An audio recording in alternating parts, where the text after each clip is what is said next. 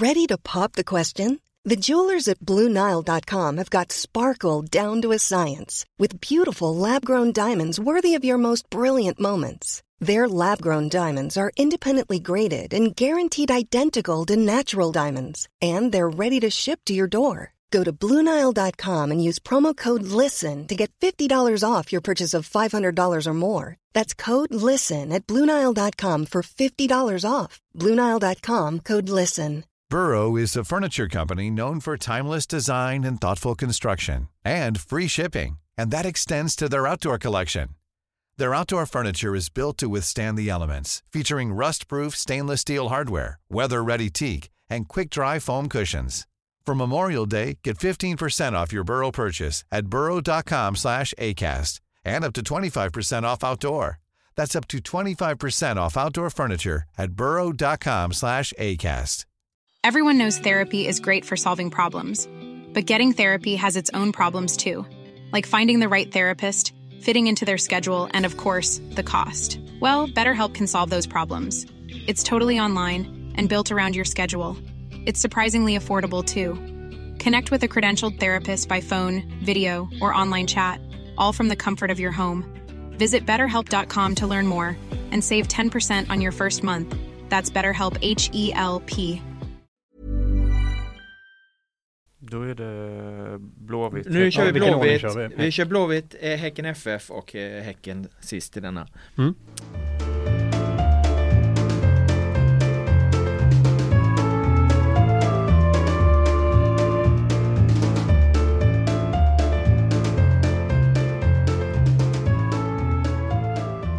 Hej och välkomna till GPs fotbollspodd som ännu så länge saknar ett namn, men där vi diskuterar Göteborgsfotbollen i allmänhet och Göteborgsfotbollen i synnerhet.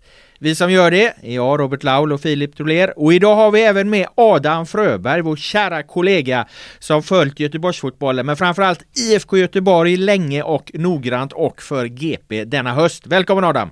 Tusen tack, roligt att vara här. Underbart! Hej Filip! Hej på dig Robert. Då är det ju så att vi är framme vid vår stora säsongssammanfattning för säsongen är ju över nu i och med att eh, eh, ÖIS klarar sig kvar via ett dramatiskt kval. Och då ska vi analysera samtliga sex lag som vi följer här. De ska analyseras ingående och för att kunna göra det har vi delat upp det här i två olika avsnitt. Avsnitt 1 tar vi våra allsvenska lag och i avsnitt 2 de som ligger strax under. Först ut är alltså IFK Göteborg, BK Häcken FF och de svenska mästarna BK Häcken.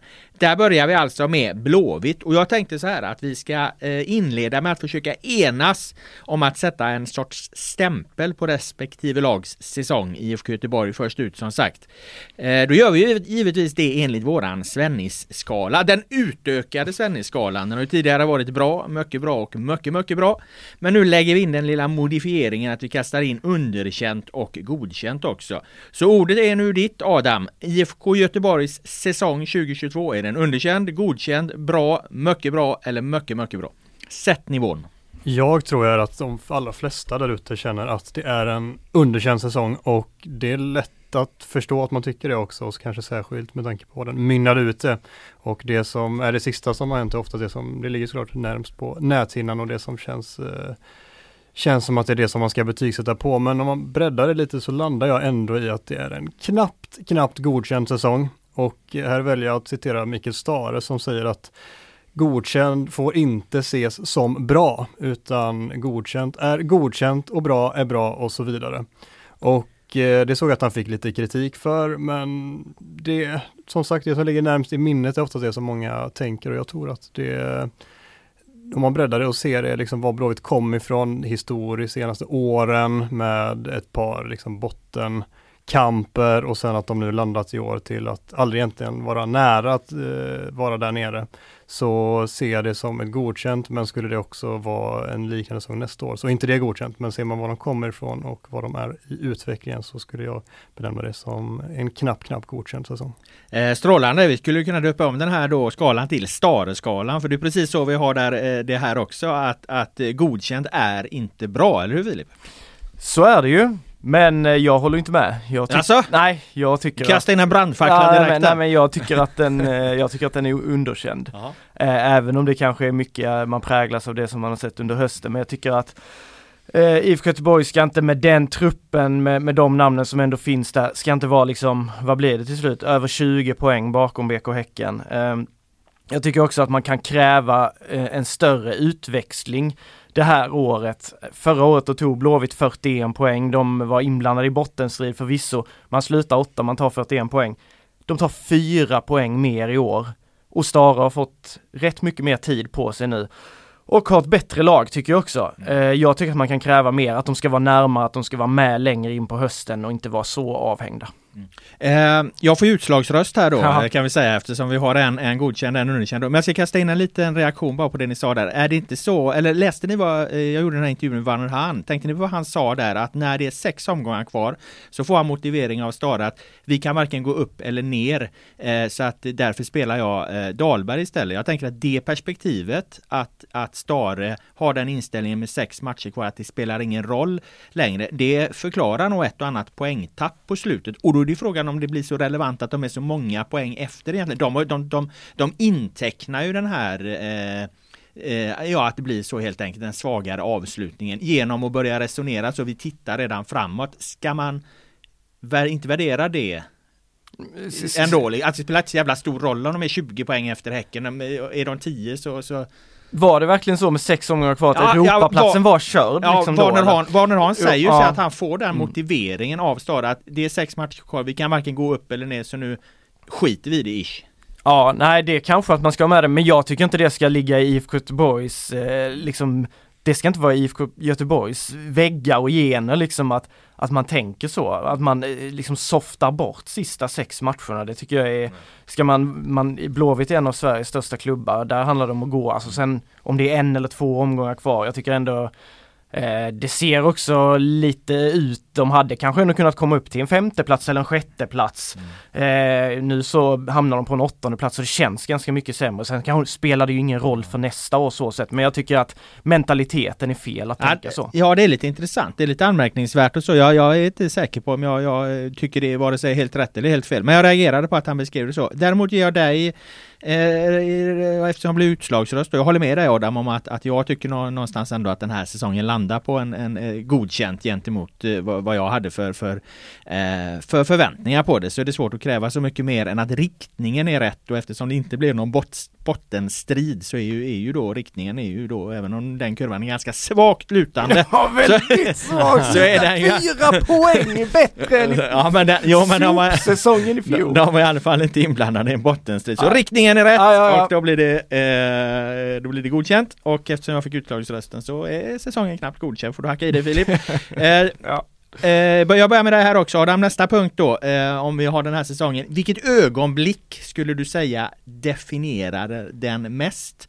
Eh, eller om det är något liksom personligt eh, starkt ögonblick som du tycker är värt att lyfta? Mm, det är lätt att landa i situationer och stora snackisar som Vanne Hahn och Tobias Sana är. Men jag väljer att landa i något på planen och lyfter upp ett klassiskt sliding doors moment och tar er tillbaka till den 15 augusti och ett kokande möte på Gamla Ullevi. Är ni med på vilken match jag syftar på här? Hammarby. Yes. Det stämmer mycket bra. Matchen har varit slutsåld i över en veckas tid och där och då har IFK Göteborg rejält häng på toppen efter tre raka segrar. Det är fem poäng upp till ledande Häcken och ett möte med trean Hammarby står för dörren. Det är en jämn match, kanske till och med Blåvitts bästa prestation för säsongen. Blåvitt bommar straff i den första halvleken. Hammarby vinner efter ett sent hörnmål där Travalli trycker upp en boll i krysset och Blåvitt hämtar sig aldrig riktigt efter det. Det säger såklart en del att de inte lyckas hämta sig. Det har varit mycket så under säsongen när de här plumparna väl har kommit har de inte lyckats resa sig. Men eh, detta var för mig ett riktigt sånt sliding doors ögonblick och det får lite ses som definierande för Blåvitts säsong. Mm. Tror du de hade, hade, hade de orkat hänga på? Hade de fått den energin som be, behövdes? Energi kan ju lyfta ett lag mycket bättre än vad de egentligen får ett lag att överprestera. Helt enkelt. Tror du att de hade, hade att det hade lyft dem så mycket så de hade hängt med i toppen här? Ja men längre i alla fall och framförallt med ett Stare-lag som där det här alltså väldigt, väldigt mycket handlar om energi och intensitet och liksom få med sig både både spelarna men också allt runt omkring, vilket förvisso har gått bra ändå under säsongen att få med så mycket supportrar. Men jag tror att det har stor, gjort stor skillnad.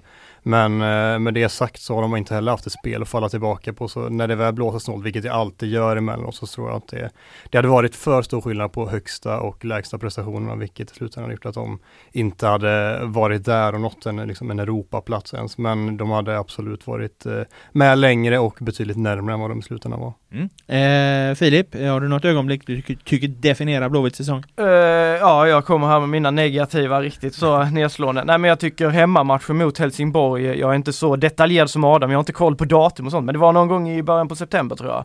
Eh, där Blåvitt faktiskt har eh, en gyllene chans att ta sig eh, liksom på allvar in i Europakampen och till och med upp hela vägen i toppkampen var det, var det fortfarande då. Möter liksom sämsta Helsingborg på hemmaplan. Eh, men de fuckar upp och jag tycker det är lite så det har varit hela säsongen för deras del att de har kommit in i spiraler som har varit positiva. Naturligtvis mest utmärkande då i somras när de eh, tog flera raka segrar och verkligen var på gång. Men det har varit så, de har ju varit i sjok hela tiden och varenda gång de liksom har varit nära där och komma med, komma med, komma med, så har man eh, fipplat bort det. Eh, någonstans tycker jag eh, att de där besvikelserna, att man inte riktigt har varit hela, hela vägen där, hela vägen.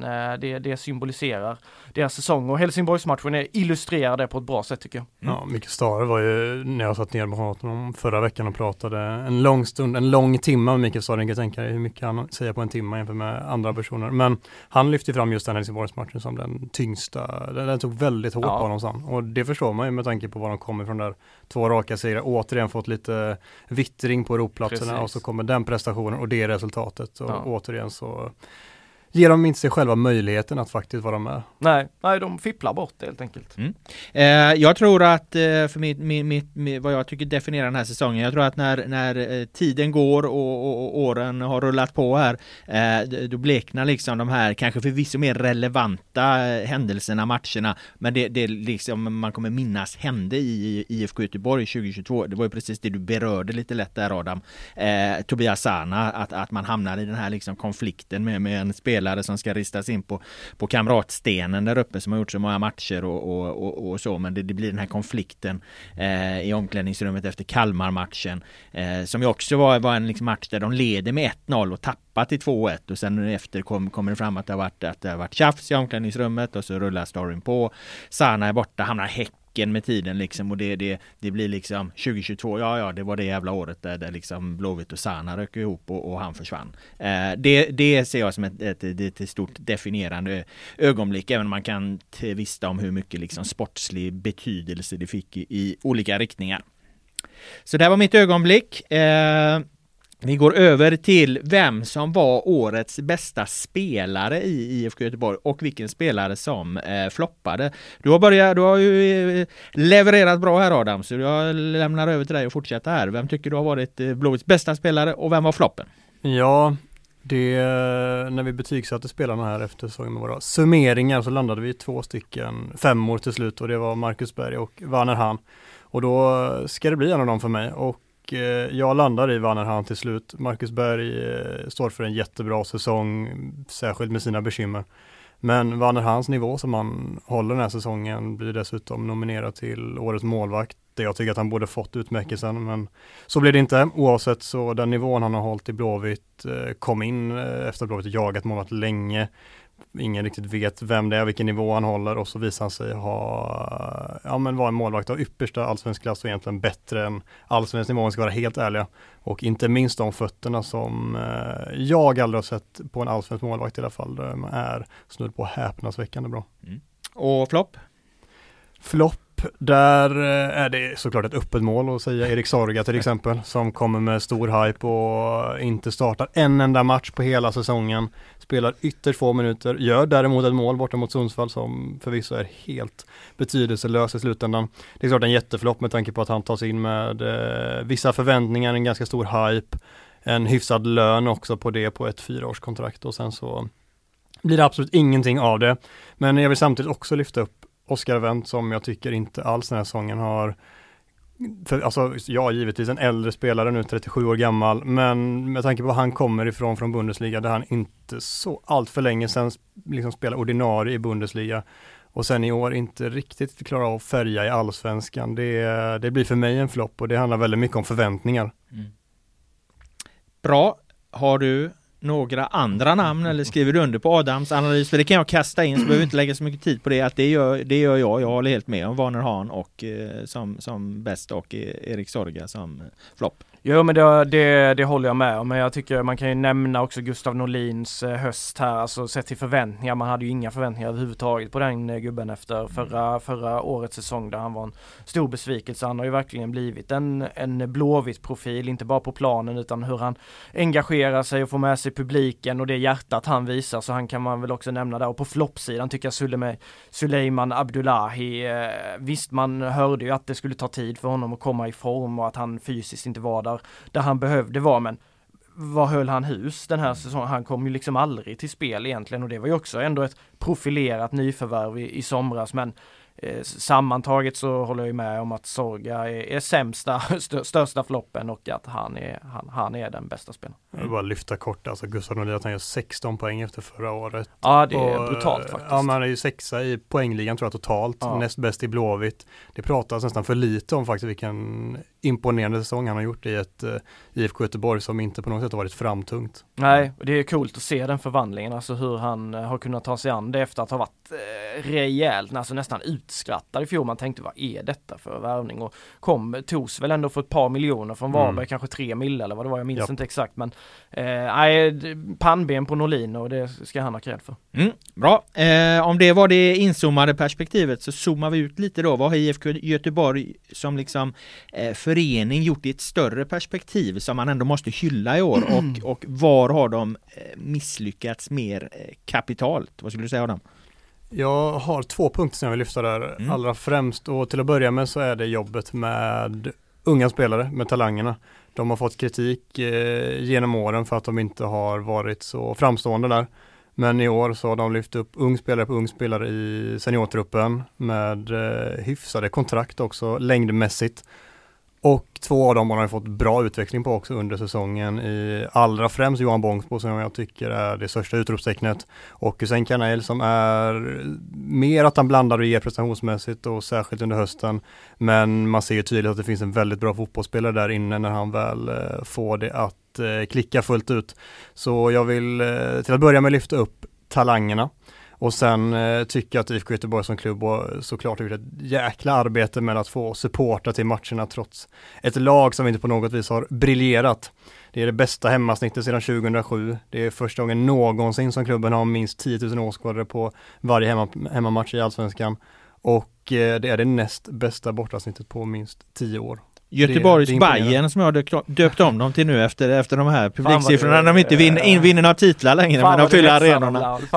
ja men den är ju bra den jämförelsen. Kan du inte säga något då? Ah, jag vet inte, fan, de, ja, de får nog vara titellösa ett tag till tycker jag om vi ska kunna dra den fullt ut. Det får vi ja, men... eh, vad har de misslyckats med Adam då? Ja, att äh, etablera sig i toppen på att säga men vi... Jo men absolut det fattar jag men alltså vad, vad är det som konkret eh, eh, eh, är, är det man liksom ska rikta in strålkastarljuset på som har gjort att de inte hamnar där? Det är svårt, jag tycker det är så jäkla rörigt i IFK Göteborg och det har det varit i flera år. Mm. Och det som Werner Han är inne på i intervjun med dig med att de måste välja riktning tror jag kanske är själva grund pelaren här där det har känts väldigt spretigt. Det, det kändes någonstans inför säsongen som att de hade landat i någonting med, med Farnerud som eh, sportchef och eh, den riktningen de tog där. Och sen plötsligt så får han sparken och de gör om alltihop där. Och sen eh, går säsongen som den går upp och ner och nu så ska de ha in ytterligare en assisterande tränare som blev bekräftad idag i William Lundin från Trollhättan. Och eh, det är kanske den vägen de har valt och då har de gjort rätt men under säsongen så har det varit extremt spretigt och även inför säsongen så det är väl det stora misslyckandet. Det, det är ganska övergripande men eh, jag tycker också att det är det som är deras eh, kanske alla, alla främsta problem. Mm. Eh, innan du tar dina Filip så Mm. spränger jag in mina för att Gör det. det. Berör, det, det, jag, jag följer den eh, tråden som, som Adam börjar dra upp där. Eh, eh, jag tycker man kan se den här säsongen som att man går in med en sportchef som heter Pontus Farnerud som värvat en viss trupp. Eh, när vi tittar på den truppen och allt det som hände idag så ser man att många av de spelarna som han värvade, de har på olika sätt liksom inte, det har, det har hänt grejer kring dem. Jag menar, Amiral Amari blir utlånad efter ett tag. Eh, Sorga får inte spela någonting. Eh, Van Haan hamnar i den här liksom, eh, diskussionen efteråt. Man vill hellre satsa på någon annan egentligen. Jag tycker liksom att det, det känns som att, att på, på sätt och vis så vaskade IFK Göteborgs ledning det här året eh, tycker det finns många exempel på det för att eh, bygga, för att Mild och Stade ska kunna bygga liksom exakt det lag de vill ha där alla drar åt samma håll och tänker saker på samma sätt för att det finns en extrem samsyn högst upp i IFK Göteborg men den har inte sipprat ända ner än eftersom det där processer som, som tar tid. Man måste få ut ett par kontrakt, få bort ett par spelare som man inte liksom tycker passar i den stora bilden eh, eh man vill göra. Och någonstans det går ju också att se det som positivt. Liksom. Vi tar tunga beslut här nu för att vi ska bli bättre i, i nästa år. Jag hade Marcus Jordin här, i, i, klubbdirektör i Häcken. Han berättade ju om att Häckens katastrofår här 2021, då liksom, det är klart att de kunde behållit Martin Olsson, behållit Irandust, men de kände att gör vi de här affärerna nu, tar in lite pengar, så kommer det gynna oss på sikt istället. Utifrån betraktat så, så, så, så är det ett katastrofdåligt resultat på alla sätt. Men, men de som liksom är inne i verksamheten, de bygger någonting som de är övertygade om ska bli eh, eh bättre. Eh, problemet med IFK Göteborg som har gjort det, det är att jag tycker inte de har skött det snyggt liksom. Det har varit för mycket sådana här konstiga grejer och nu visar det sig att det blev konstigt kring Werner Hahn också. Han får liksom inget svar på fem veckor. Varför behandlar man eh, spelare på det sättet? Jag tycker man måste liksom, även om det är tuffa beslut som måste tas, så måste de liksom någonstans göras med värdighet. Så att där blir liksom mitt, eh, vad de har gjort bra och vad de har misslyckats med. Det är att någonstans är det bra den här förändringen de gör. Jag tror att den, den kommer, kommer ge dem någonting på sikt, men, men de har inte skött den 100% snyggt, Filip. Eh, nej men det är väl eh, egentligen bara att, eh, hålla med i stora drag sådär att eh, och jag tycker väl att de själva kanske skälpte sin chans lite när man i så fall faktiskt lät Pontus Farnerud ändå bygga Alltså truppen inför den här säsongen, det, det, var ju liksom hans truppbygge de sen skulle förvalta fast de verkar som att de inte då ville ha hans truppbygge. Nej, de har ju inte velat och, det nej, någon och gång det ser egentligen. vi också i, i värvningarna. Och vi har ju Bernardo Villar, vi kan nämna sen tidigare också ytterligare liksom så här värvning som absolut inte liksom verkar vara tänkas på i, i Stare och Milds eh, filosofi. Så, så det tycker jag väl också är en blunder och sen så eh, får man väl ändå säga alltså, att de har ju misslyckats med att hitta en stabilitet också ute på planen, vilket kanske smittar av sig att det inte har varit någon stabilitet vid sidan. Eh, Micke Stare har eh, liksom, det har varit för mycket högt och lågt. Han har inte hittat den här grund, grundfilosofin som, som stämmer. I somras såg vi ett, ett typ av blåvitt, i våras såg vi ett typ av blåvitt och här på hösten ser vi en annan typ av blåvitt känns det som, tycker jag. Men vad jag menar är att eh, nästa år kanske vi ser ett jävligt stabilt Blåvitt och då kanske de här besluten har varit eh, grunden för att komma dit. Ja, Liksom. det är lite så jag tänker, vi vet ju inte om det Nej, blir så. men jag så, tycker i så fall ändå att de är lite sent i rulliansen. De borde i så fall plockat fanor tidigare, även om det hade smärtat. Liksom. Men det är ju alltid lätt att, att, att vara efterklok så sett också. Men det är väl egentligen de, eh, de inspelen jag har där. Sen tycker jag gällande publiken, eh, det är ju imponerande det de har gjort där och där kan vi väl faktiskt också, också credda de som, som står på kortsidan och har gjort eh, faktiskt väldigt många fina tifon måste jag säga, generellt i svensk fotboll den här säsongen. Fan om jag har sett så många bra och, och liksom konstruktiva, kreativa, påhittiga, fina tifon och, och där har Blåvitt varit en av, av lagen som har imponerat stort. Så det kan de väl få lite cred för också. Bra Filip, eh, då blir det en rak fråga till dig här Adam. Eh, måste någon avgå? Eh, nej, inte nödvändigtvis. Många ropar kanske efter Stare och jag hade kanske personligen funderat, eh, alternativt valt att byta om jag satt på den typen av makt. Men jag tror inte heller att det är absolut nödvändigt. Eh, men det måste ske saker med framförallt utvecklingen av spelet som vi har pratat om och det kanske det får hoppas på att eh, William Lundin, succétränaren från Trollhättan, kan göra någonting eh, med den biten. Men nu sitter du ju på makten Adam. Du sa ju att du, om du hade haft makten hade du kanske tagit bort honom. Hade du inte tagit bort honom då eller? Jo, tredje slash fjärde statsmakten som eh, journalistiken är såklart. Ja.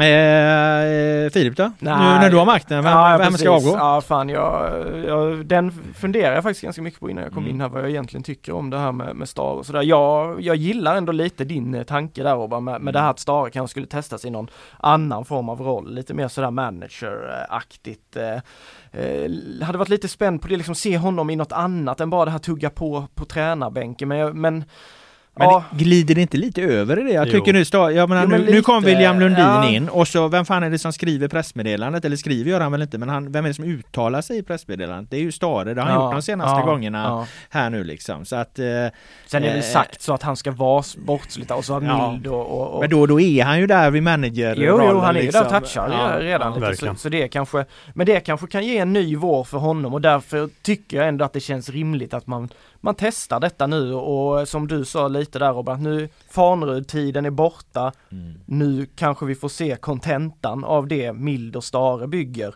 2023. Det hade känts lite för hastigt tycker jag att börja röja nu, nu igen så Mm. ja. De kan ju också spara den här liksom formella eh, omplaceringsutnämningen ifall det skulle gå lite trögt till våren och de ändå inte vill göra sig av med Stare. Då kan de ju flytta upp honom till manager Ja, och ja. så kommunicera, det är rent kommunikationstekniskt eh, hantera ifall det blir en, en tuff start liksom. För att det ska man väl ha, ha klart för sig att det läget IFK Göteborg är gör att eh, eh, våren eh, 2023 kommer bli jävligt viktig resultatmässigt. Hur fan de, hur, hur, hur liksom, de har inte så jävla mycket, vad brukar man säga? Eh, marginaler. Fallhöjd här nu Nej liksom. precis. Och, nej, och det tycker jag verkligen man ska trycka på. Alltså Stare, det krävs nu. Det krävs en bra vår här. Annars så tycker jag inte det finns några argument kvar för att han ska få fortsätta leda Blåvitt om de vill uppåt. Inte ens som manager. Nej, fan knappt alltså. Okej, det är hårda ord från Trolé, det gillar vi. Eh, vad blir grejen med Blåvitt 2023 då? Och eh, vad, vad, hur tror vi egentligen att det går om vi plockar fram eh, eh, spåkulan? Eh, Din första Adam. Min spåkula säger att jag tror att Blåvitt kommer bli mer stabila. De kommer ta sig något närmare toppen, men inte hela vägen till Europaspel igen. Vilket nästa år nog ska ses som underkänt med tanke på var de... Fan, du dömer ut dem innan eh, Ja. serien har börjat. Jajamän, det gör. Nej men med tanke på vad de i så fall skulle vara i processen och det så kallade projektet nästa år, då, alltså förväntningarna måste ju och kraven måste höjas inför nästa säsong. Och om de inte genuint slåss om en Europaplats så eh, då touchar det på underkänt. Så eh, men ja, spåkulan blir, och för mig blir att de kommer vara bättre igen, men inte tillräckligt bra.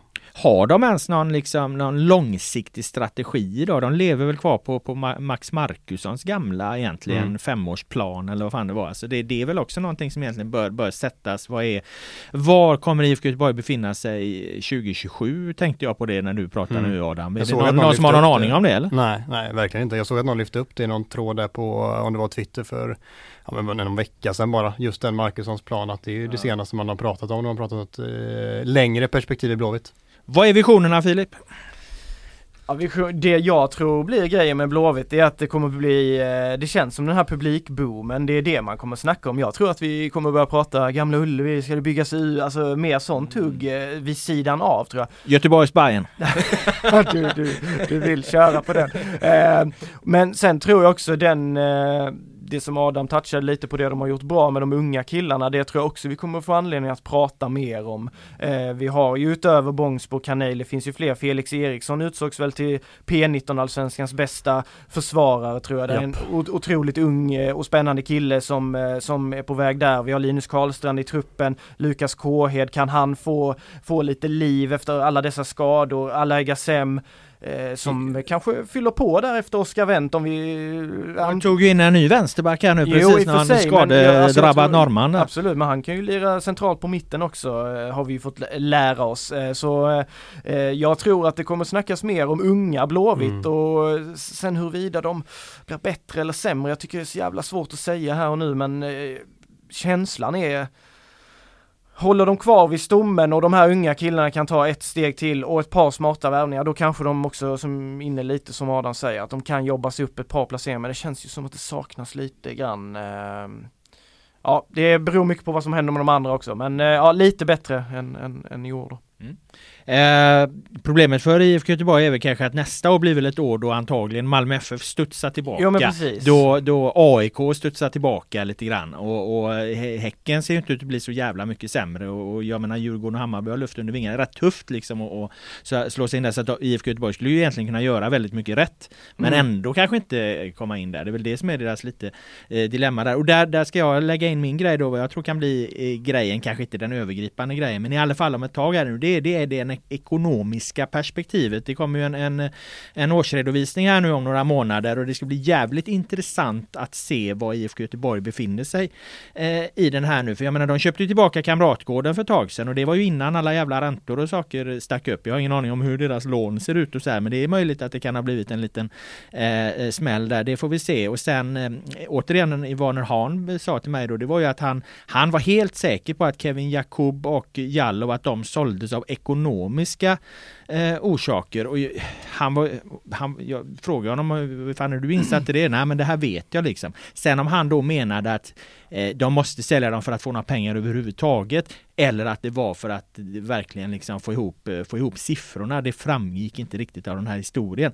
Men, men jag tycker det ska bli jävligt intressant vad IFK Göteborg landar på ekonomiskt här nu för det, det visar också någonstans vad kommer de egentligen ha för muskler inför framtiden? Hur, liksom, hur stabila är de? Fortsätter de att bygga sitt eget kapital så de, så de på sikt har möjligheter att göra en satsning eller får de kämpa med det här? Det tror jag blir jävligt avgörande eh, för hur de kan rösta eh, framöver. Och med allt det sagt så tror jag att de jag tror att de absolut kan landa i 4 till 6 segmentet där. Att de, den här riktningen, svagt uppåtlutade riktningen fortsätter. Eh, men inte hela vägen till en topp 3-plats då. Och eh, med det tänkte jag eventuellt stänga eh, IFK Göteborgs eh, diskussionen här. Om ni inte har något mer att tillägga.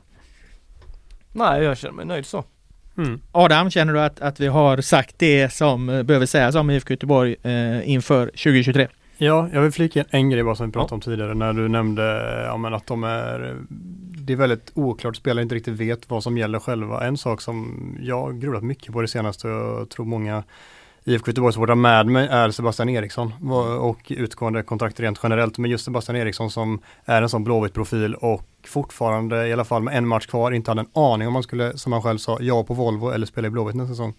Det är ett Eh, det vet han väl fortfarande inte höll jag på att säga. Nej men troligen inte. Som att de har ju, de har åtminstone inte kommunicerat något än och det bör de väl göra så fort de har kommit fram till något där och det tycker jag är märkligt att det fortfarande inte är bestämt och tyder lite på det du säger med det obeslutsamma och att det tar tid och att eh, folk får veta olika saker i olika tider tycker det är märkligt att de, alltså fan bara förläng med gubben. Han har fan varit hur bra som helst här, eller hur bra som helst. Men, ja, det tog du i sig, ja, men, men han har varit bra, jag I blåvitt ja. kontext har han varit hur bra som helst emellanåt i, i de här matcherna när flera andra kanske inte har varit så bra. Och han har ju ett hjärta som är unikt faktiskt. Vi kan prata om alla de här hemvännerna. Men jag tror inte det finns någon som bryr sig så jäkla mycket om IFK Göteborg inte. som Sebastian Eriksson. Eh, och han är ingen som garanterar att han inte kommer kräva några monsterlöner. Nej. För fasen, se värdet i att ha kvar en sån kille eh, som bryr sig så mycket om föreningen och som liksom också blir en brygga till supportrarna. Eh, bara förläng. Bra slutord där, förläng med Sebastian Eriksson. Då lämnar vi IFK Göteborg och går över till BK Häcken eh, FF som ju slutade eh, tvåa i damallsvenskan, eh, tvåa i eh, Svenska Cupen, eh, föll i kvalet mot eh, PSG Champions League-kvalet. Eh, eh, det den så kallade tripp kuppen då som de pratade om innan att de skulle vinna, eller i alla fall vi i medierna gjorde det. Eh, att de skulle vinna ligan, vinna kuppen och gå till Champions League. Av den blev ju intet då. Så då är ju frågan om BK Häcken FFs säsong 2022 enligt den utökade Svenneskalan om den är underkänd, godkänd, bra, mycket bra eller mycket, mycket bra och eh, eh jag landar precis som eh, IFK Göteborg eh, även om det här är då helt skilda skilda nivåer så tycker jag att den är godkänd ändå. Den är knappt godkänd för ett lag av Häckens kaliber att egentligen misslyckas med allt. Eh, men, men, men man kommer ändå undan med, med ett godkänt för att man gör en så extremt stark höst när man får ordning på allting tar 11 av 12 eh, segrar i, i, ligan. Det är svårt att när lottningen blev som den blev begära att de ska besegra eh, eh PSG. Så jag landade i ett knappt godkänt. Är det något som har någon som har någon annan eh, eh inv någon invändning där? Nej, faktiskt inte. Jag skulle också landa i ett knappt eh, godkänt. Hade det varit i somras så hade den varit underkänt. Nu är det knappt godkänt. Jag tycker de tar, håller med dig, de tar sig upp. Och man är topp två liksom både i kuppen och, och, och, och all, allsvenskan så då, ja, det är godkänt. Mm. Adam? Marcus Judin har ju pratat om att flera gånger att de med både herrar och damer vill spela, spela i Europa varje år. Och eh, med det som ni redan har sagt så vill jag bara inflika i det också och det lyckas de ju faktiskt med. Så det, det får bli godkänt men det är inte mycket mer än så. Mm. Eh, bra, rörande enighet då till skillnad på från tidigare laget. Eh, ett säsongsdefinierande ögonblick har jag eh, tagit eh, fram här. Ehm, eh, jag menar alltså jag var på en träningsmatch på Bravida Arena. Rosa Kafaji är ett, ett uppskrivet nyförvärv. Hon har blivit den dyrast inhemska värvningen. Hon ska göra sin debut eh, för, för Häcken. Det går sex minuter eller vad fan det var, eller om det var tre minuter eh, innan hon eh, åker på ett benbrott i den här matchen. Andra gången hon rör bollen för klubben eh, så bryter hon benet. Det vet man inte riktigt när det smäller där på Bravida, men hon ligger och skriker i våldsamma plågor och, och eh, ambulans kommer, hon rullas ut och kör, körs till sjukhus och det visar sig då att det är ett benbrott och det här är alltså då det, det, eh, det första som händer eh, den här säsongen för dem att få ett benbrott på, på, på stjärnan och sen utifrån hur säsongen då blev som den blev lite så, så när jag tänker tillbaka på det här så, så, så att det, det var käppar i hjulet eh, direkt där alltså. Mm. Ja. Jag har ett annat eh, ögonblick att lyfta upp som för mig blir definierande och det mötena med PSG. Trots att Häcken där och då inte var formtoppade på något sätt så imponerade de starkt, framförallt borta mot fjolårets semifinalist i Champions League och var nära att få med sig ett kryss. Det räckte inte hela vägen hemma sen, men det blev någon form av trampolin för det som sen blev eh, under hösten med den vassa formen som ledde till en andra plats till slut efter en tuff, tuff vår. Filip, har du något ögonblick? Nej men jag, jag väljer ju den negativa vägen återigen. Eh, ja, men jag tycker redan premiären... Kul att du är här! Ja, Nej men eh, pre premiären eh, mot U, Umeå borta i ett snökaos där, där Häcken, liksom de åker upp till den matchen, alla förväntar sig att de ska vinna, nu ska det här tåget bara tuffa igång från början. Så börjar det hacka direkt och att de, de är nära där uppe men de är inte hela vägen och det kändes som att det var väl temat ändå för hela säsongen att de var nära men det var inte hela vägen och det, det fortsatte så. Eh, så ja, den matchen är väl en sån jag plockar fram när jag, när jag tänker på, på deras säsong och hur det blev.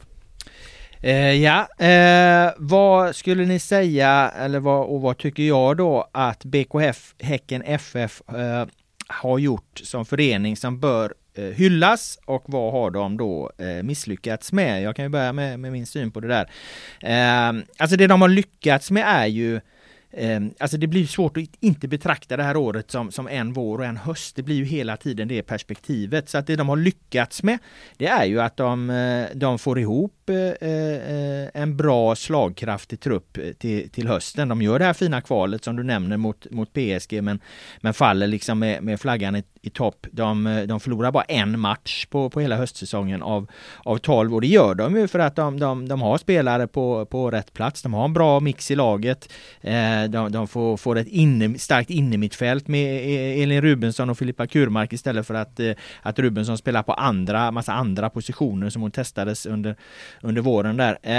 Men att det blev så liksom, att de ändå var så långt efter och är tvungna att göra den här starka hösten, det, det, är ju ett misslyckande och jag tycker att truppbygget är helt enkelt för dåligt. Jag vet inte, du var inte med då Adam, men Filip, vi satt ju hur många gånger som helst här och pratat att de måste ersätta Blackstenius på mm. något sätt. De måste ha hennes fart, de måste ha den anfallaren. Sen för, försvann ju också Johanna Rytting Kaneryd, tappade de ännu mera fart. Så att, så att någonstans var ju det där truppbygget var ju inte bra. Elin Rubensson fick hålla på, på att löpa som forward och då sprang hon ju sönder sina baksidor eller vad fan det var istället liksom. Så kunde de inte använda på henne på, på centralt mittfält jag tror att hade, hade Rubensson och Kurmark spelat mittfält i cupfinalen till exempel, vilket de inte kunde göra eh, eh, då, för att hon var tvungen att vara på en annanstans. Hon var ju anfallsspets då mot, mot, mot Rosengård.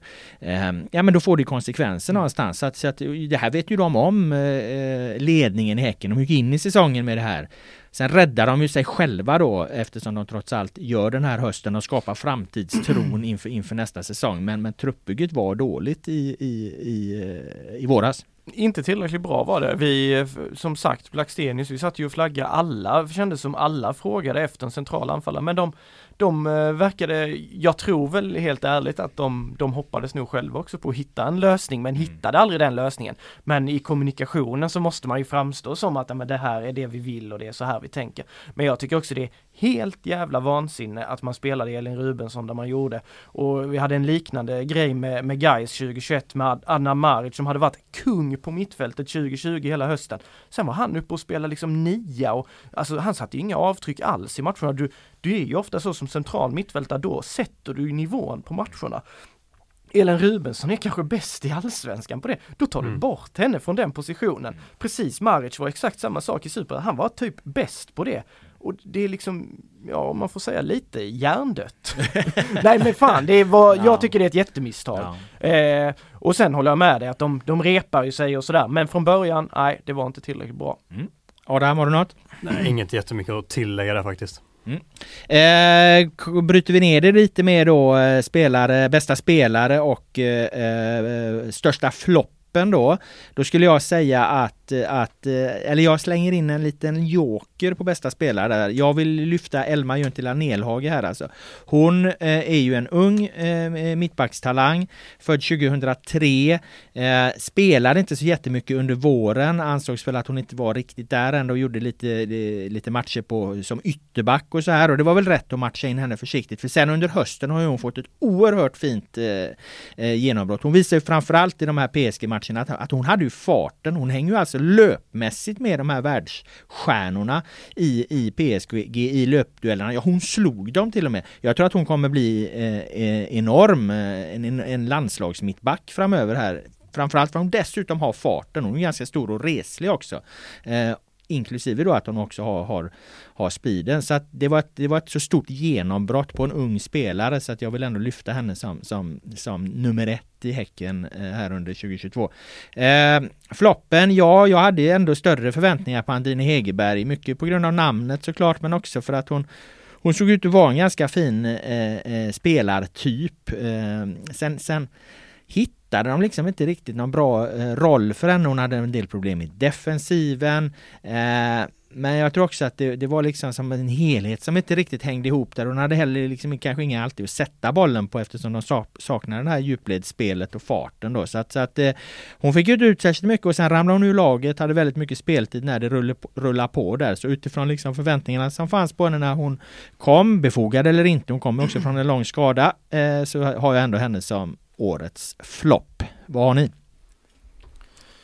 Eh, nej men eh, när det gäller eh, Hegerberg så kan man väl eh, hålla med om det. Lotta Ökvist tycker jag också eftersom hon gjorde en så fin säsong i, i fjol. Eh, hade man ju ändå förväntningar på henne och då kom hon ju från Manchester United och lyfte verkligen Häcken, fick nytt liv i Häcken. Eh, I år var det inte mycket till liv på henne utan det tog slut tidigt och hon blev utlånad och det, det blev ju aldrig något bra av det där och sen Sen har ju Häcken varit starka på ytterbacksidan tycker jag och, och där vill jag väl lyfta den jag tycker eh, är värd att nämna Hanna Wik som i år känns som en eh, eh, tidigare år så har man känt, fan vilken talang hon är, hon har så, besitter så mycket potential och hon har varit bra och sådär.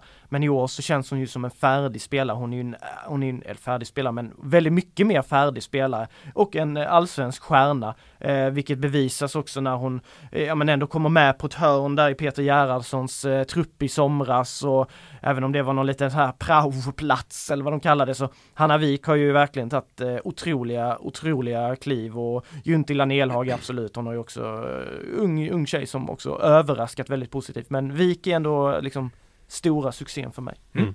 Adam? Hegerberg givetvis håller med fullkomligt. Det är särskilt efter att hon kommer från sessioner i PSG och Roma med ganska stora förväntningar inför det och får det inte alls att lyfta.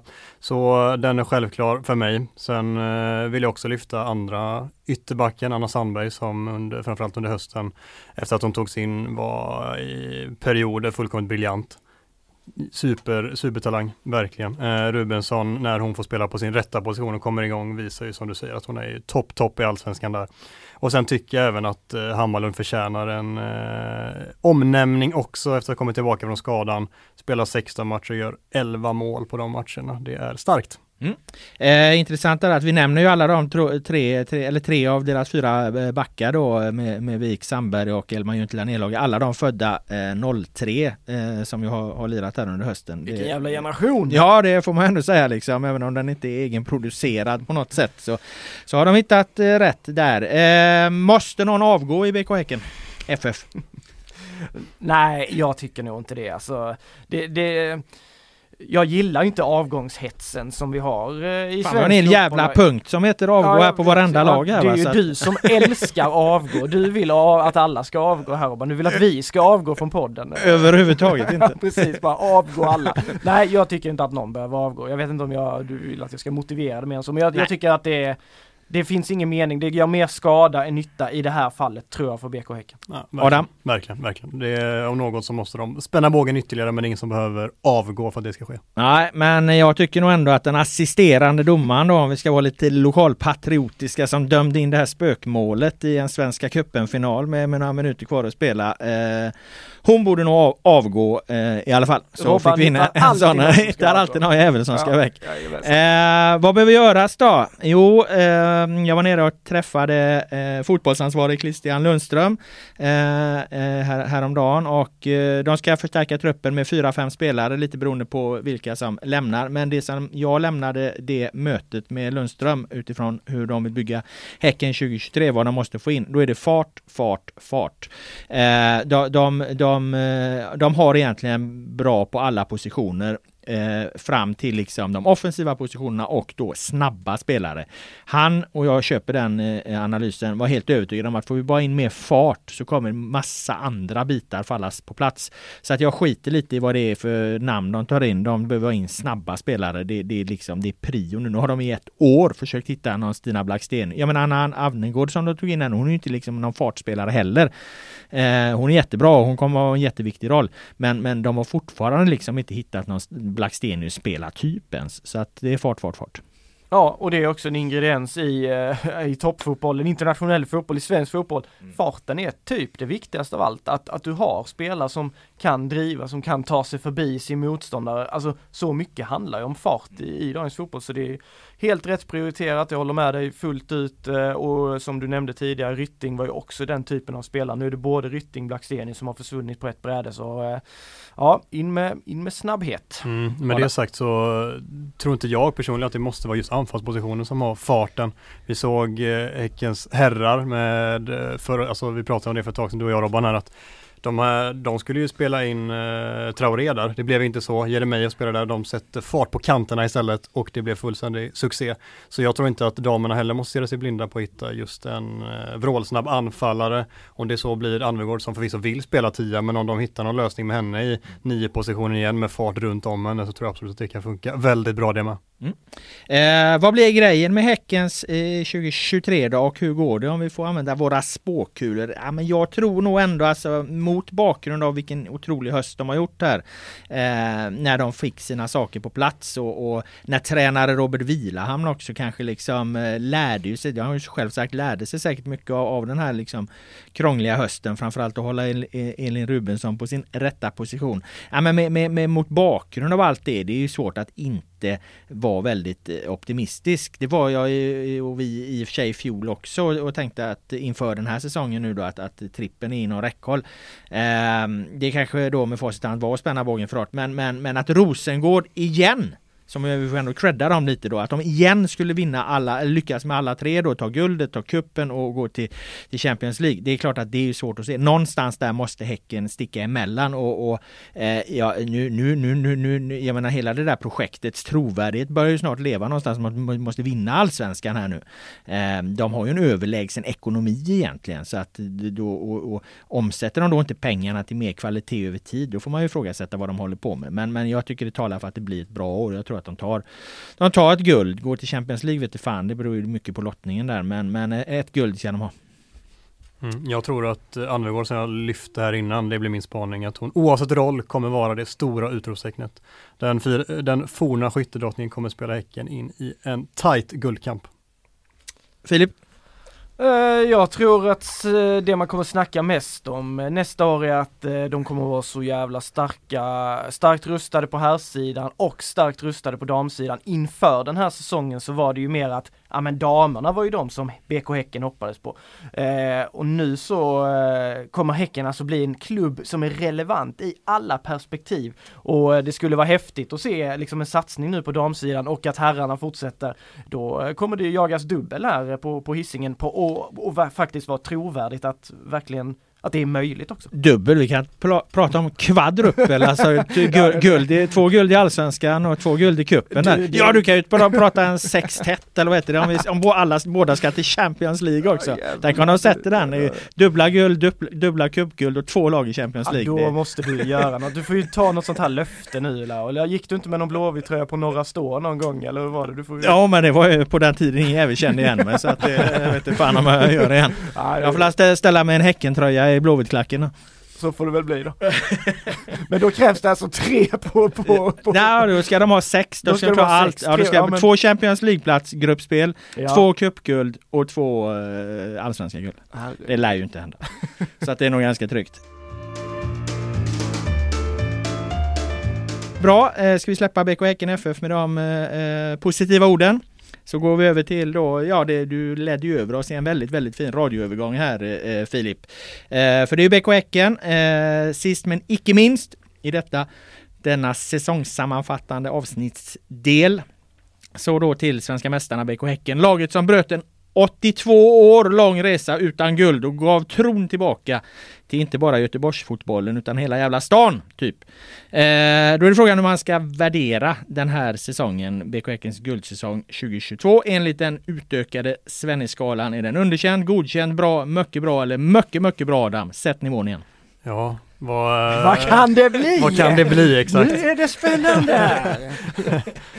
ja, tro det eller ej, men jag landade i mycket, mycket bra. Oh. Gå från botten i fjol till att vinna ett historiskt första SM-guld. Är det något annat än imponerande? Ja, det, det kanske ska in en, eh, en sjätte, ett sjätte steg på skalan. Ja, nästintill. Nej, men du gillar ju inte när vi modifierar i, nej, i skalan för mycket. Nej, du ska, du ska fjanta så mycket med sånt. Men eh, nej, herregud, det är väl bara, det, det är så jävla självklart, självklart vad, vad, vad det blir. Det är klart att den är mycket, mycket bra. Den är mycket, mycket bra, skriver jag också under på såklart. Eh, mer spännande då kanske att eh, se vad vi har för olika ögonblick som definierade den här eh, oerhörda säsongen. Eh, kan vi börja med dig igen där Adam? Vad, vad, vad, vad tar du med dig? Framförallt? Ja, här finns det ju så extremt många, men jag har landat i att det blir Häckens seger mot AIK i Solna. Det har länge pratats om att Häcken inte har klarat av att prestera när det gäller som mest och det har till viss del varit sant. Men här och det här året så motbevisar de just det och Eh, banade väg för guldet där i segern borta mot AIK och förvisso hade de slagit Djurgården borta innan dess men för mig var just den här segern på något sätt det ultimata beviset på att de hade allt som krävdes för att vinna det där guldet med eh, tuffa matcher som återstod med Malmö hemma härnäst och de hade Blåvitt borta därefter så lyckas de knipa den segern borta mot AIK så det blir det som definierade säsongen för min del. Mm. Filip? Uh, ja men det blev väl ganska, jag, jag tycker man så här, jag har nog e- ett ögonblick som det kanske definierar våren, ett ögonblick som definierar hösten. Eh, jag var på Bravida Arena och så kanske den sjukaste fotbollsmatchen någonsin bevittnat eh, på, på plats så, ja det är väl ÖIS Gais derbyt 2018 kanske 4-4 var ju också rätt galet. Men Häcken, eh, Sirius, eh, där Häcken vinner med 4-3. Även Hovland gör det sista målet i, i 97 minuten och då har Sirius liksom kvitterat i 92 eller något sånt där och Rygaard har gjort 3-2 i 85 något. Det är bland det sjukaste jag sett och jag tyckte det sa ganska mycket om, om BK Häcken för det var lite mer, alltså det var ju fullt blås eh, framåt och det var svajade lite defensivt i våras och sådär men det visade att de ändå, de var ett lag för toppen som skulle liksom kunna ta de här sena segrarna. De gör exakt samma sak uppe i Uppsala, tar en sen seger efter Jeremejeffs avgörande. Så de där Sirius-drabbningarna, så sett för liksom första delen av säsongen. Ja, det är så många spelare som har pratat om den här jävla Sirius-matchen. Ja, är... Jag intervjuade Jeremejeff om en liknande grej så här ögonblick under säsongen. Han tog också upp den. Så det var något annat än en ja, fotbollsmatch. Det, var, nej, men det liksom. var inte fotboll. Alltså, jag, den här slutsignalstexten, jag har aldrig haft så mycket ångest i hela mitt liv och liksom ändra och så här. Ja, det var ju, och så håller kontakt med de här huset, ja men det är sjuk vändning här, nej det blir inget av det, jo de vinner ändå. Liksom. Så det var, nej men den, det är ett sånt eh, ögonblick man kommer, kommer komma ihåg. Eh, och sen för, om Adam då, AIK-matchen, för ni var väl där, så var jag ju där någon vecka innan och, och, och var på Djurgårdsmatchen. Om vi då talar hösten och talar mästarlag så, så tycker jag hur de, hur de faktiskt i första halvlek klär av Djurgården och Samuel Gustafsson trippar runt och gör vad, vad han vill. Eh, det var, eh, det, det satte nivån för mig att ja, men det här är ju, det är ju mästarlaget vi har här. Mm. Ehm, jag måste ju då nämna, eh, för vi kan ju inte lämna eh, en sån här punkt utan att då nämna var de till, slut tar sitt historiska guld. Ehm, att det här då sker på, på, på Gamla Ullevi, på eh, i fiendeland eller vad ska vi kalla det, alltså bortamark mot, mot sin stadsrival så är det just på Gamla Ullevi de lyckas göra det och, och de gör det ju också genom att då vinna med med 4-0 eh, totalt överlägset. Alltså det kändes ju som att den matchen snarare kunde slutat med ännu större eh, siffror. Så att eh, det är klart att det blir ett extra symboliskt värde att det här guldet togs eh, där. Jag tror lite där när man zoomar ut om några år och tittar tillbaka här så kanske man säger ja, ja men det var ju då när Häcken liksom eh, vann guldet på, på, på Gamla Ullevi på Blåvitts, Blåvitts arena. Så att för mig var det liksom ett ett väldigt säsongsdefinierande ögonblick, även om jag givetvis håller med om att de bröt de här barriärerna då i de här matcherna mot mot Djurgården och, och AIK när de visade att eh, häcken, häcken kan inte vinna, snacket inte gällde längre. Det finns ju hur många, alltså sådana här, vi hade kunnat plocka fram mm. Malmö-matchen i, i Malmö i våras. första också, som, som ja. var, det var ju också så här första gången de på, på ett bra tag liksom verkligen visar att de kan slå de här stora på, på bortaplan. Och, och fan hela deras bortasida, det finns hur många ögonblick som helst vi skulle kunna nämna. Ja. Guldmatchen sl slutligen tycker jag ändå är också som du säger att det var så mycket snack om att ja, men nu, det, det, kan hända, de kan tappa, de måste gå på en mina, men den visar ju någonstans också att det här är, det här är laget för året. Så. Ja, den visar ju någonstans ja, det att det var, var, var, var några... årets bästa lag. Konstgräslaget BK Häcken inte förlorade en enda match på gräs ja, det, också. Det finns så mycket grejer. ja. Eh, vi ska inte ta fler ögonblick, däremot ska vi gå vidare för det finns mycket annat att säga om den här säsongen också då. Eh, och då tänkte jag, eh, vad tycker ni att de de som liksom, om vi försöker konkretisera det lite då, som för, var föreningen eller klubben BK Häcken, vad bör de hyllas för och finns det egentligen någonting de har eh, misslyckats med i år? Vad säger du Adam?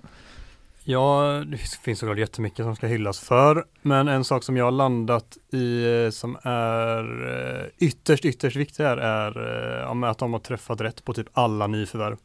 Det är så sjukt imponerande och jag kanske eller jag, nej, jag landar garanterat i att eh, Mikkel Rygaard får vara den som på något sätt eh, symboliserar detta. Kommer från polska andra ligan, ingen har, i alla fall här i Sverige, har väl egentligen hört talas om honom och han kommer in och är en av allsvenskans absolut bästa spelare och eh, det han gör periodvis här under hösten på, en, eh, på ett mittfält är, eh, ja men det är sån ögongodis så det finns inte. Mm. Eh, har de misslyckats med något tycker du? Det är svårt och samtidigt, nej, alltså egentligen har de väl inte det och ska man ta ifrån tårna och kalla det ett misslyckande så är det väl någonstans ändå att eh, ett av de nyförvärven som inte funkar är Thomas Totland som kommer in för vad är det, det rapporteras någonstans mellan 4 till 8 miljoner kronor, vilket är väldigt mycket för en ytterback och särskilt för BK Häcken också. Och han har ju inte flugit alls. Det finns ett ordentligt sparkapital där till nästa år, men eh, han, eh, jag tror han startar, eh, han startar ju inte ens hälften av matcherna och petas i förmån för Fridriksson under hösten, så ett sparkapital finns där. Så det är inget misslyckande än åtminstone, men det är någonting som man kan lyfta på minusfronten. Mm. Eh, Filip, vad, vad, tycker du de har gjort eh, bäst i det stora perspektivet och eh, vad de inte gjort lika bra? Jag hade skrivit allt här på lyckats eh, med versaler. Men det, nej men det instämmer jag Adam där. Sen tycker jag också att de har, de har hittat den där spelmodellen som Per-Mattias Högmo på något sätt påbörjade i fjol och man såg liksom delar av det, den har de utvecklat till egentligen snudd på fulländad om det någonsin kan bli det i fotbollens värld men eh, det de kallar Häcken-fotboll det, det har verkligen liksom implementerats på ett bra sätt. Alla har förstått det, hela laget har varit med på det. Det har egentligen inte varit någon skillnad, inte ens när Alexander Jeremejeff inte var med, eh, denna viktiga Jeremejeff, utan de har, de har fortsatt eh, och sen byggde de liksom det som man själv liksom har som den stora anledningen till att de lyckades ta guldet. De byggde det, det bästa mittfältet som vi har sett ska jag inte ta i för mycket här kanske, men ett av de bästa mittfälten i allsvenskans historia. Eh, så där är väl någon kärna. Sen misslyckande, nej. Det är inte mycket, det är väl möjligtvis det här hur de hanterar de här firarveckorna lite med fansen där, att de, eh, det blir lite livat där, de inte fick komma in supportrarna, det var sponsorer som gick före och sådär. Det visar väl på att Häcken är liksom, de håller på att växa, de är inte riktigt där än med, med vissa bitar och man behöver jobba på det. det.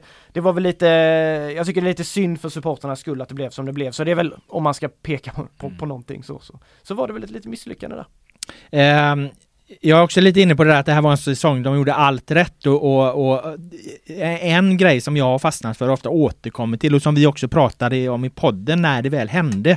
Det är ju jävligt intressant hur Högmo hanterar den här liksom Friberg, Erik Friberg versus Samuel Gustafsson eh, grejen. Jag menar det är ju inget jävla lätt beslut att eh, Högmo har varit i, i klubben i, i, ett drygt halvår då. Han har egentligen inte vunnit eller lyckats med någonting i Häcken och så har du då trotjänare som där allas bild av Erik Friberg är att med honom på planen, det är då Häcken vinner sina matcher. Eh, men, men, men Högmo ser väl någonstans där då att han börjar, han börjar gå ner sig i den här defensiva mittfältspositionen i det här spelsystemet vi har.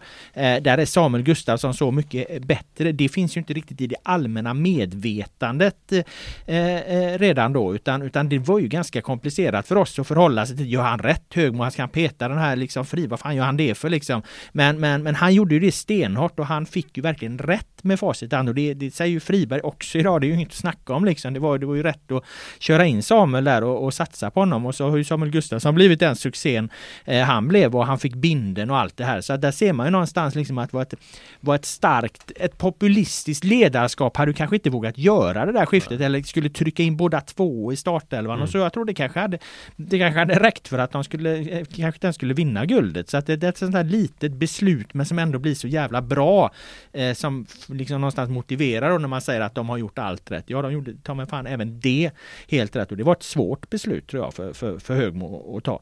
Eh, det jag tycker att de har misslyckats lite med då det är väl vad ska vi kalla det, unga egna svenska eh, talanger som inte gör att Häcken hamnar ju hela tiden i en situation här där de inte kan spela med vilka som helst i laget för de får inte ha, de, har så, de måste ha utländska namn i truppen så att de får inte ha med alla. Totland som du nämnde Adam, han har ju suttit på bänken här ett par matcher för att, för att de, de fyller då alltså utlänningskvoten då. Det finns ju en sån. En, läktaren en, han suttit på. Ja, förlåt, eh, suttit på läktaren. Han får inte ens vara med i truppen då för att den här gränsen går där vid x antal spelare som, som, som... Vad är den gränsen? Har vi koll på det? Eller? Ja, ja, det, huvudet nu. kan inte heller det, det exakt där liksom. Men, men det är ju att du måste ha ett visst antal äh, spelare med, med nationaliteten mm, då. Mm. Så att, äh, och den har de då passerat liksom och den har gjort att Totland ibland har fått sitta där och, eller sitta på läktaren och någon annan så liksom. Och det är det Ja, det är svårt att säga att de misslyckas när de vinner för det, det, det handlar ju om att vinna men, men, men, men så vill ju ingen ha det. Så att det är väl en liten plump i protokollet då.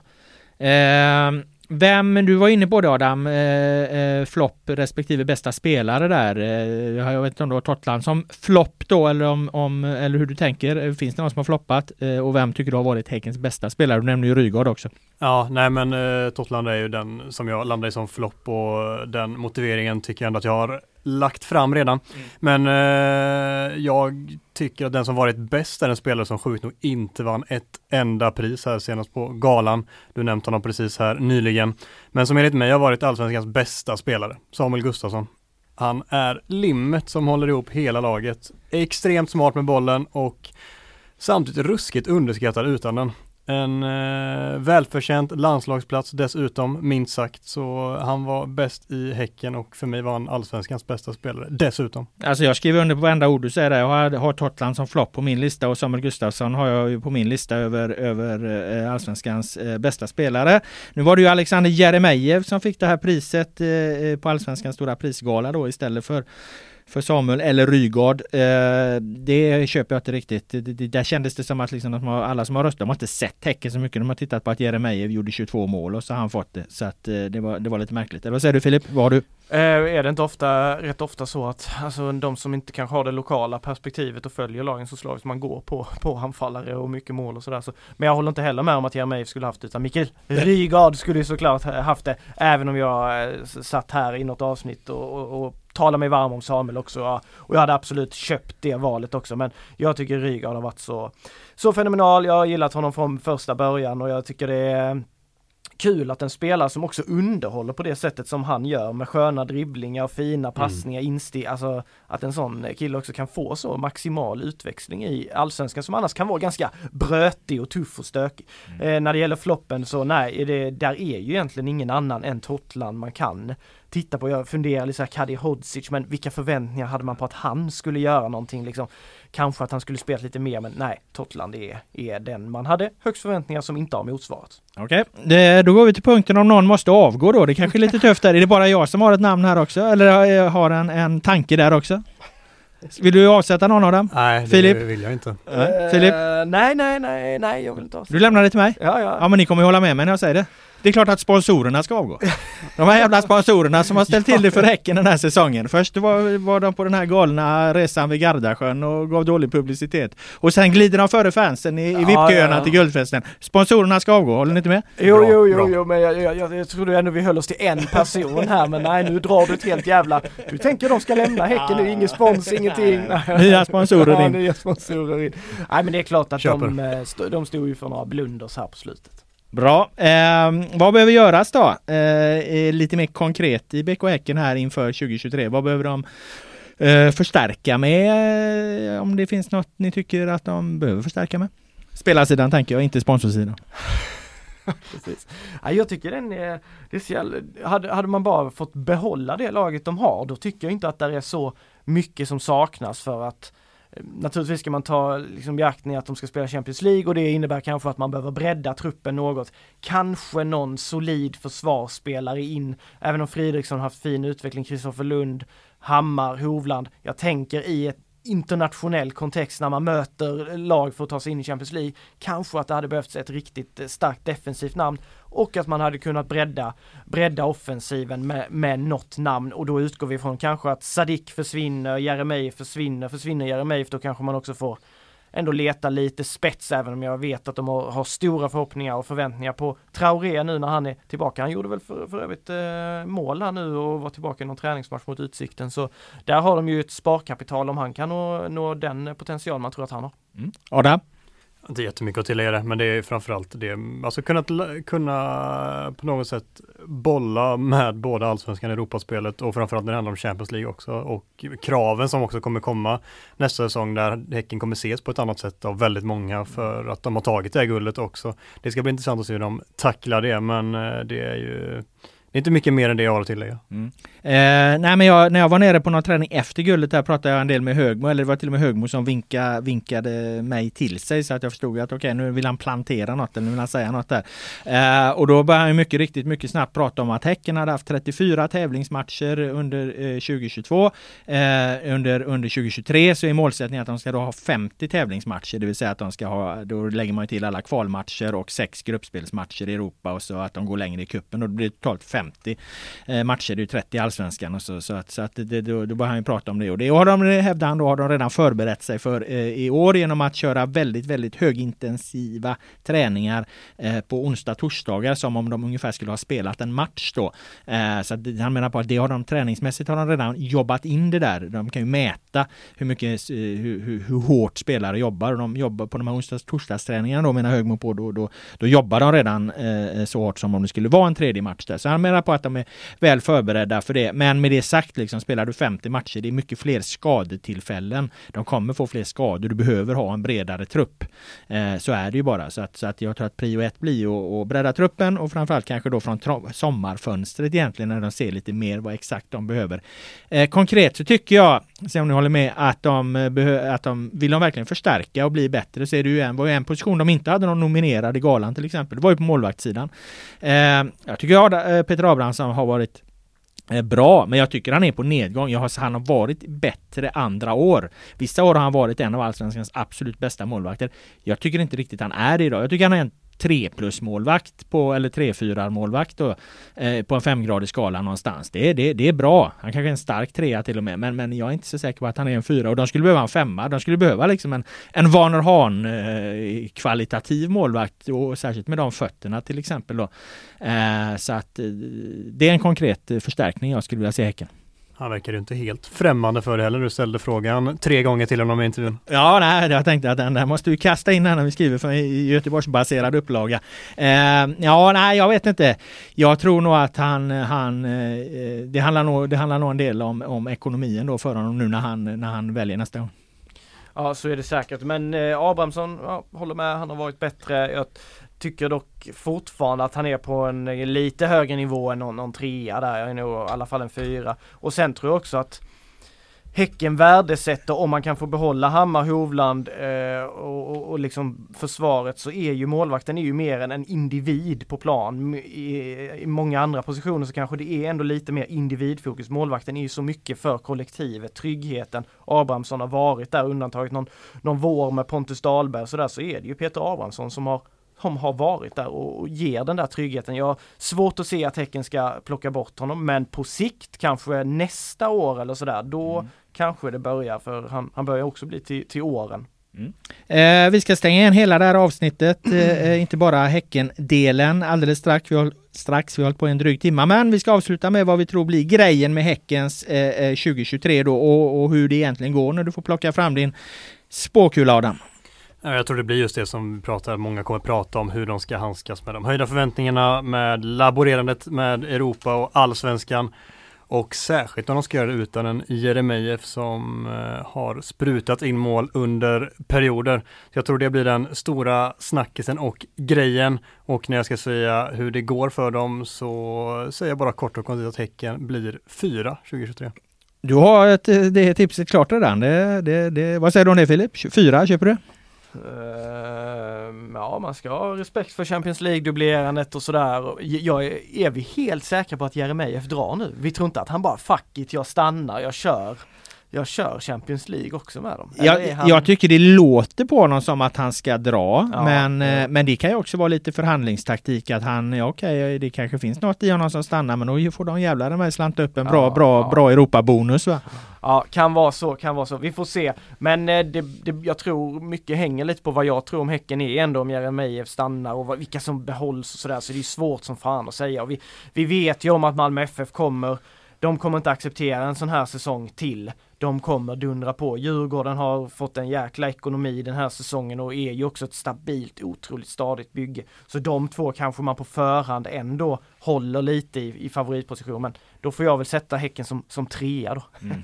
Eh, eh, varje gång, eh, det spelar ingen roll vilket lag det är, eh, men, men eh, laget som vinner allsvenskan som ska liksom ta det här Champions League-platsen då eller slåss om den i, i kvalet. Det blir ju alltid ett, ett stort fokus på det mm. lagets möjlighet. Det blir för oss här i Göteborg blir det ett extra stort fokus då nu när det är ett av stadens lag som, som eh, ska, ska försöka ta sig till Champions League då. Så att på frågan vad, vad som blir grejen tror jag mycket kommer handla om liksom den här eh, riktningen då mot ett eventuellt Champions League. Och, och kanske också ännu mer intressant eftersom det är väl ingen som tror att de ska ta sig till Champions League. Men däremot den här har ju Djurgården visat att man ett kan gå till Europa Conference League, det tredje steget, och två eh, göra bra resultater och tre dra in helvetes massa pengar på det. Så Europasatsningen blir ju jävligt intressant för Häcken alldeles oavsett de lyckas Champions League. Eh, eller inte. Jag tyckte tipset med en tredjeplats där lät, lät ganska bra. Eh, och jag, det var, ni lyfte också en grej som är intressant där. Alltså nu blir det ju helt omkastat allting. Nu är det plötsligt så här, nu ska Häcken palla liksom förväntningarna som någon jävla liksom halv superfavorit liksom med ett kanonlag. Det blir ju också ganska intressant att mm. förhålla sig till. Nu är, det, nu är det väldigt tydligt att IFK Göteborg jagar dem och, och, en rad andra lag till och med i Sverige som jagar dem också. Det, det är ju uh, ombytta världen liksom. Ja, så är det. Sen känns det ju ändå som att många, många, alla förväntar sig Malmö FF ändå, liksom att de ska komma tillbaka. Men det är klart att det blir ett helt annat tryck på Häcken eh, än, än tidigare och det är fler än de vi har Elfsborg kommer också bli jävligt intressanta att se nästa år med tanke på vilken höst de gjorde och sådär. Så det är många om budet och Häcken kommer vara en av de som nämns där uppe. Det ska bli intressant att se hur de hanterar det. Bra, då tackar jag er för era kloka eh, synpunkter och åsikter om eh, eh, våra tre allsvenska lag här i stan. Eh, det finns en andra del till det här avsnittet också där vi går igenom eh, ÖIS, Gais och Utsikten. Eh, lyssna gärna på det. Eh, annars så är podden tillbaka nästa vecka också. Eh, tack för att ni lyssnade. Ha det bra!